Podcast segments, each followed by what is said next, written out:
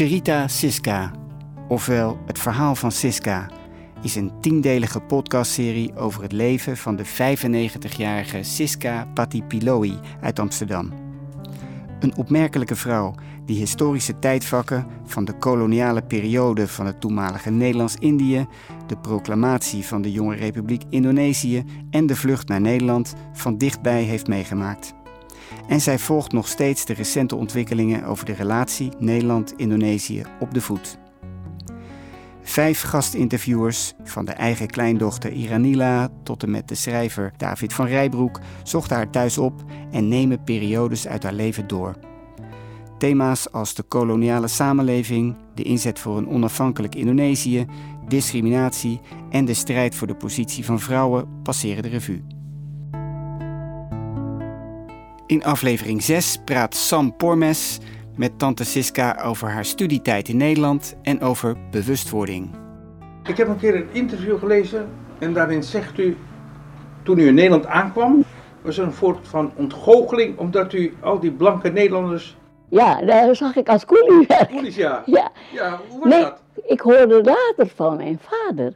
Hij moest als inlander, moest hij drie keer het bedrag van de universiteit betalen voor de opleiding. En eh, mijn toelage voor, om, om van te leven, moest hij ook drie keer betalen als inlander. Hij had geen recht om, om op de visum, terwijl hij de guldens verdiende voor de Nederlanders. Ja. Moest hij drie keer, eh, hij heeft voor, voor alles wat hij ons stuurde, ook, ook later eh, boeken of weet ik het, geld, moest hij allemaal drie keer betalen. Maar wat ging er door u heen toen die, die Nederlanders ook het... Als, als, nou ja, die gingen ook hun ramen schoonmaken, et cetera. Ja, dat vond ik. de- Dat, daar, daar had ik niet bij stilgestaan. Ik had natuurlijk wel die boeken in Nederland. Maar ik dacht dat het daar precies zo toe ging als in Indonesië. Dat al, al het rotwerk werd gedaan door inlanders en Ja. zo. Dat dringt niet tot je door als iets kolonialistisch. Hè? Siska werd in Nederland eerst opgevangen door een Indische familie, een contact van haar vader. Zij huurden een kamer voor haar in Den Haag. Daar begon mijn eerste verbazing naar die blanke koelies. Eh, ik wou de volgende dag. eh, er was wel een wastafel in mijn, in mijn slaapkamer. En toen wou ik de volgende dag naar de badkamer.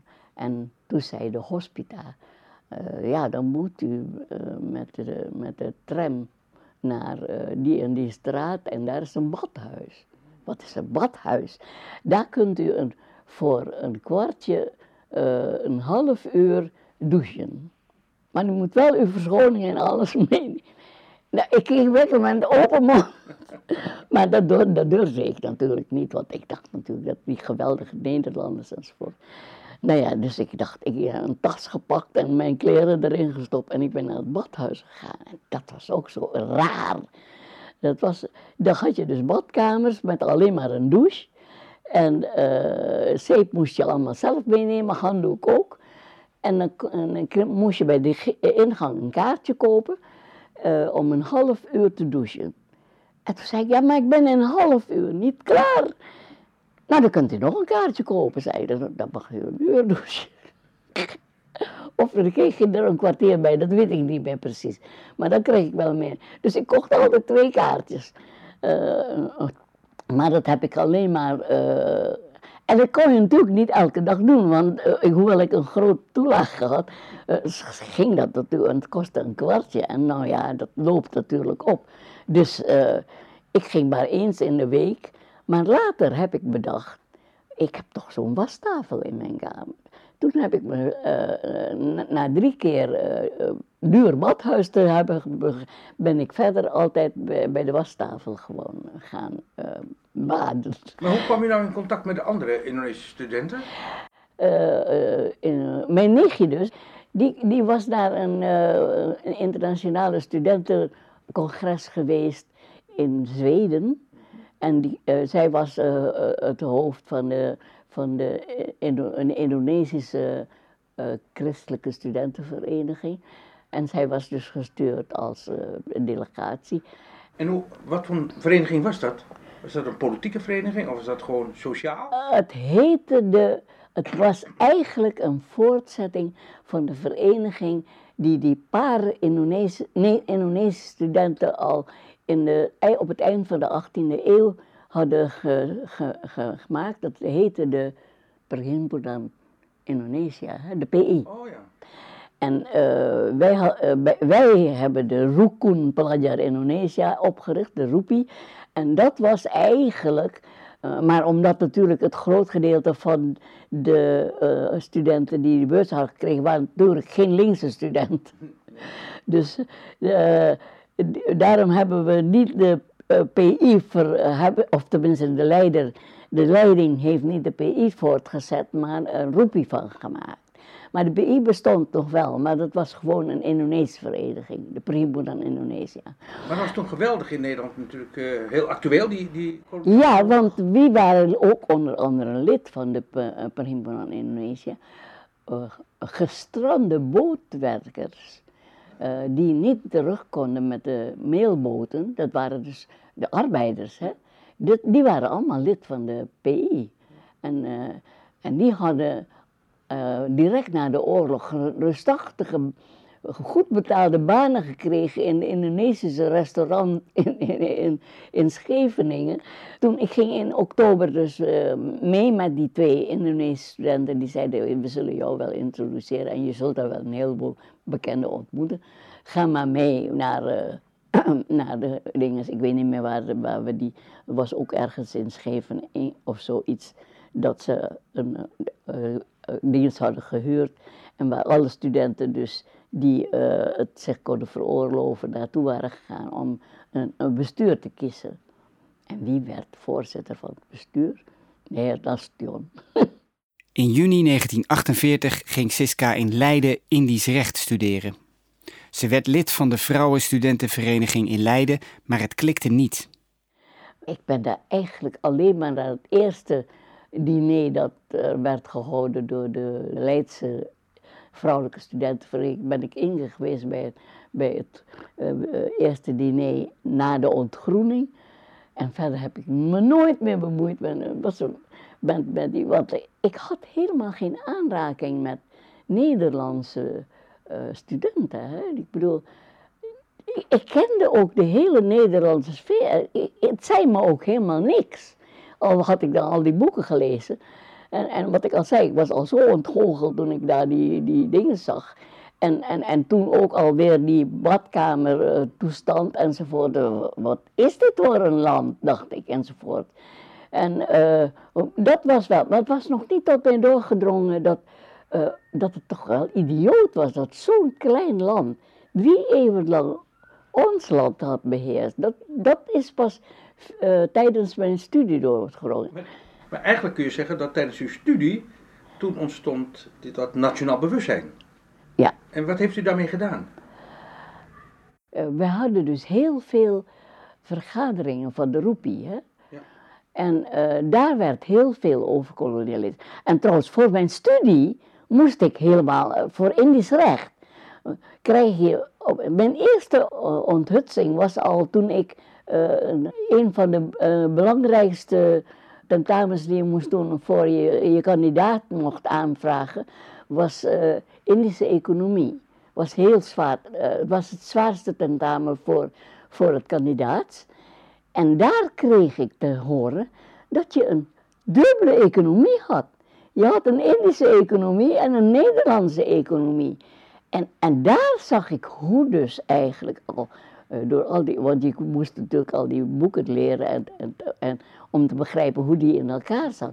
En toen begreep ik dus pas hoe de Indonesiërs eigenlijk werden uitgebuit. En uh, toen was ik dus ook al lid van de Roepie, waar ik ook al, uh, dat waren allemaal Indonesische studenten die niet zo'n leven hadden gehad als ik. Dus die waren allemaal al bewust van de, van de kolonialisme enzovoort. Dus de mensen waarmee ik omging, waren al helemaal kolonialist bewust.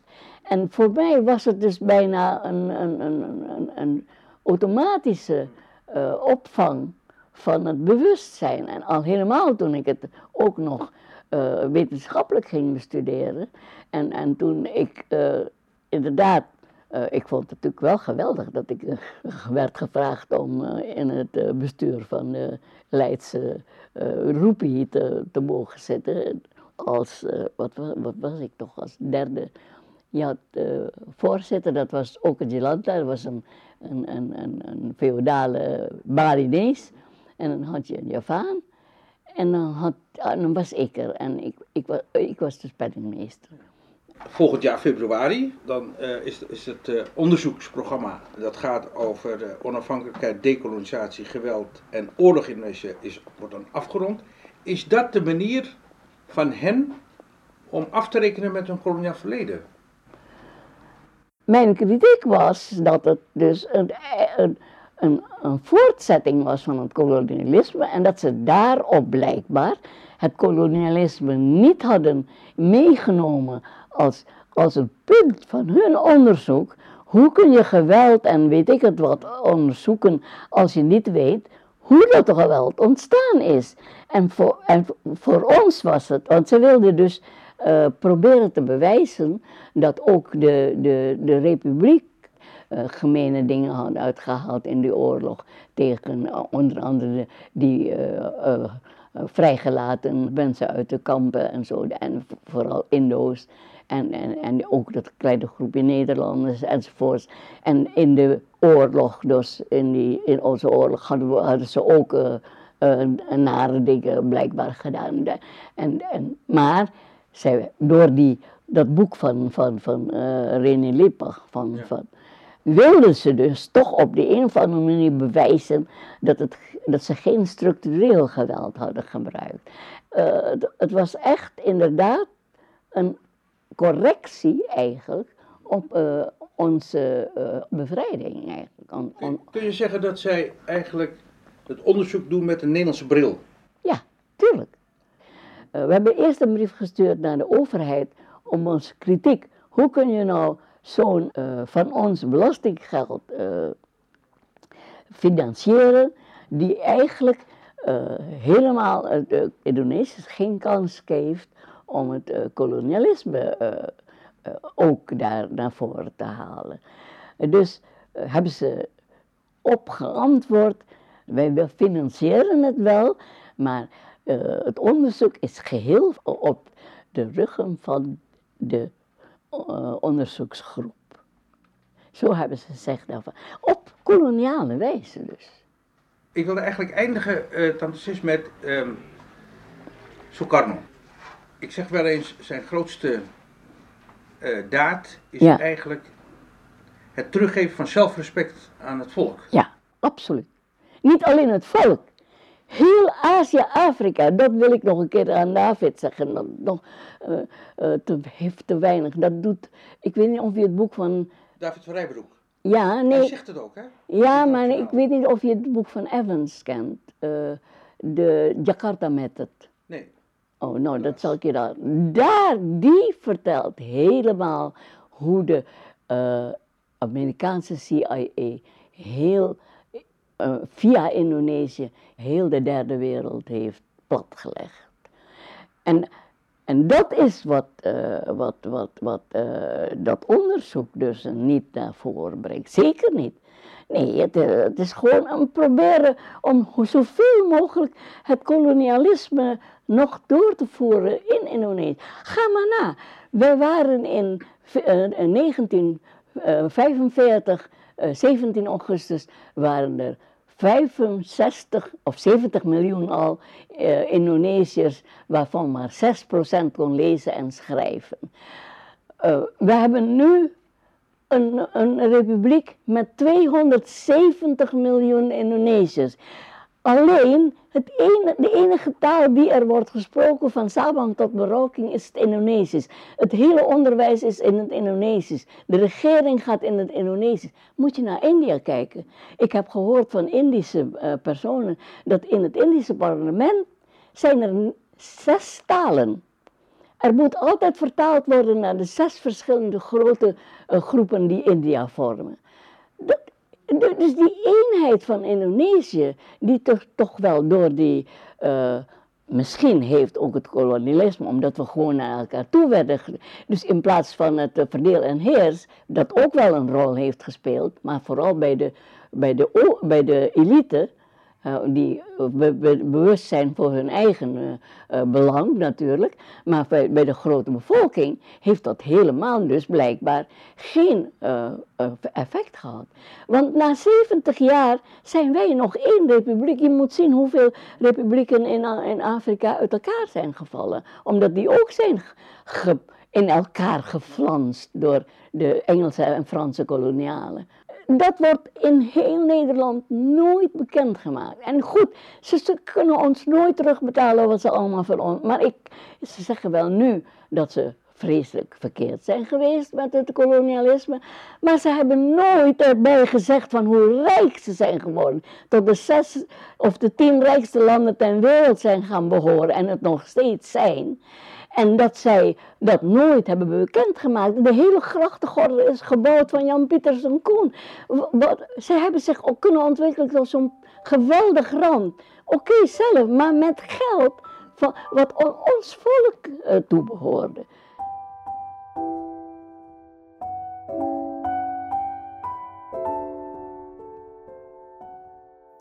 U luisterde naar een aflevering van de podcastserie Cherita Siska het verhaal van Siska Patipiloi.